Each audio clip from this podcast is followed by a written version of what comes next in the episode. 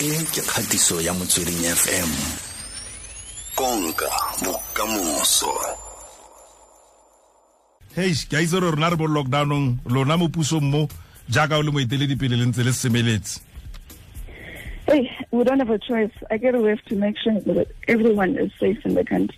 ruri ruri. Eh, ee mme re bone lefapha eh, la bosetšhaba kgotsa eh, national department ba simolola ka letsholo le la relief fund o tshwaretse baagi ba gauteng dikgang a ko re bolelele mo gauteng mo gore eh, lona le laletsa bomang ba ba ka dirang dikopo kgotsa di-application jalo le jalo eh. Thank you. As you know, that National Office, National Department of Arts had a relief fund of 150 million, and they were able to do the applications because this one was targeting those that are professional athletes, those that are event organizers, and so forth. And what Minister had then requested of provinces was to also for us to look through budget yaron and check for how much can we put aside as part of a relief grant. In Gauteng, we've been able to put aside 28 million. And this 28 million, we want to direct it to people who work in our communities, but who train our community soccer teams, who train our community netball teams, who, who train our choirs, who run art and maybe paint classes, crafts, and so forth. The people that exist in what we call the informal sector. We are targeting those people because we believe because they are informal, they tend not to be able to get the benefits that those who are formal uh, are easy to get. Because bona they can apply for the loan and all sorts of things. But who are informal, because they don't have paperwork, abapatali, uh, SARS and so forth, they always struggle because of the nature of the service or that they do. But we have an appreciation for them because we understand how they train our communities. And Gauteng, we have one of the highest health bills. And working together with Department of Health Yaron, one of the things we have said is that through the Department of Sports and Arts, we can be able to reduce our provincial health bill by purely making sure Horobatu, they exercise every day, they train and so forth. So Batuba, who we speak of, are very critical in that work. That's why we're putting this fund towards them so that they can be able to earn at least 1,000 per month until December. mokutaba ke a itse se batla a lot of paperwork jaaka re utlwile eh, ka the national department re utlwile province ya northwest eh mo malobeng mo mara se raya nna jaaka an artist kgotsa jaaka an athlete se reng eh ka gore a re tseye gore when the lockdown started ke ne ise ke kry eh, eh, the bookings or no promises or no eh, ke ise ke romele di-quotation.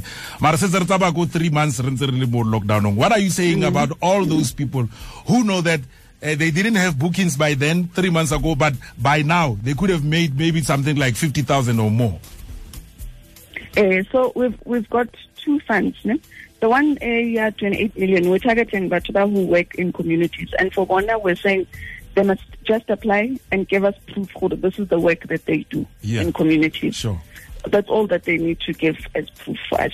And Rona, we have a panel of adjudicators made up of some of our officials within the department will play an oversight, but it's going to be individuals from CIFSA, representatives from the Sport Confederation, and so forth.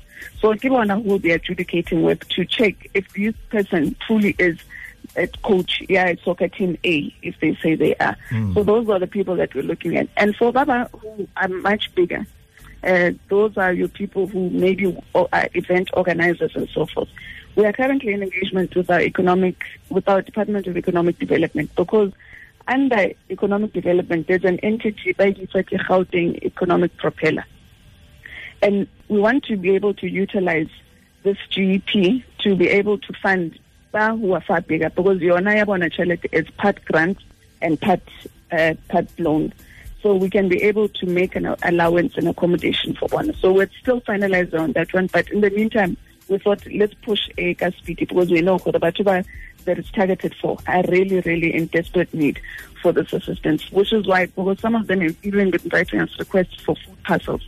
So if that to even asking for food parcels, it just gives you an impression that things are very bad. That's why we had to make sure that we release fund eh, a gas speed. Okay eh me letlha la go bulela di-application e ke leng eh, le closing date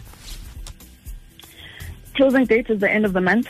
Uh, but I'm just saying for everybody go visit website ya check our Insta our social media accounts, Facebook, Instagram, Twitter. They are all links that are there. And worst case scenario, if you don't have internet, just visit our corridor offices. Those are our regional offices, and they'll be able to give you that information. Uh, what's the website uh, that uh, they can log in? So they must just go to at Gauteng SACR at Gauteng SACR.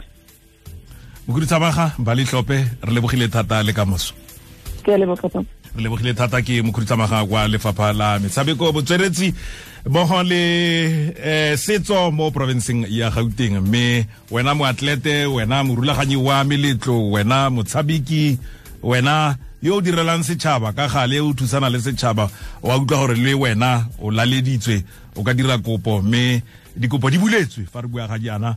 Gompieno e tlhola malatsi a lesome le botlhano tshwanetse o na le malatsi a lesome le botlhano um pele kgwedi eno e ya bokhutlong um gore o kgone go romela kopo ya gago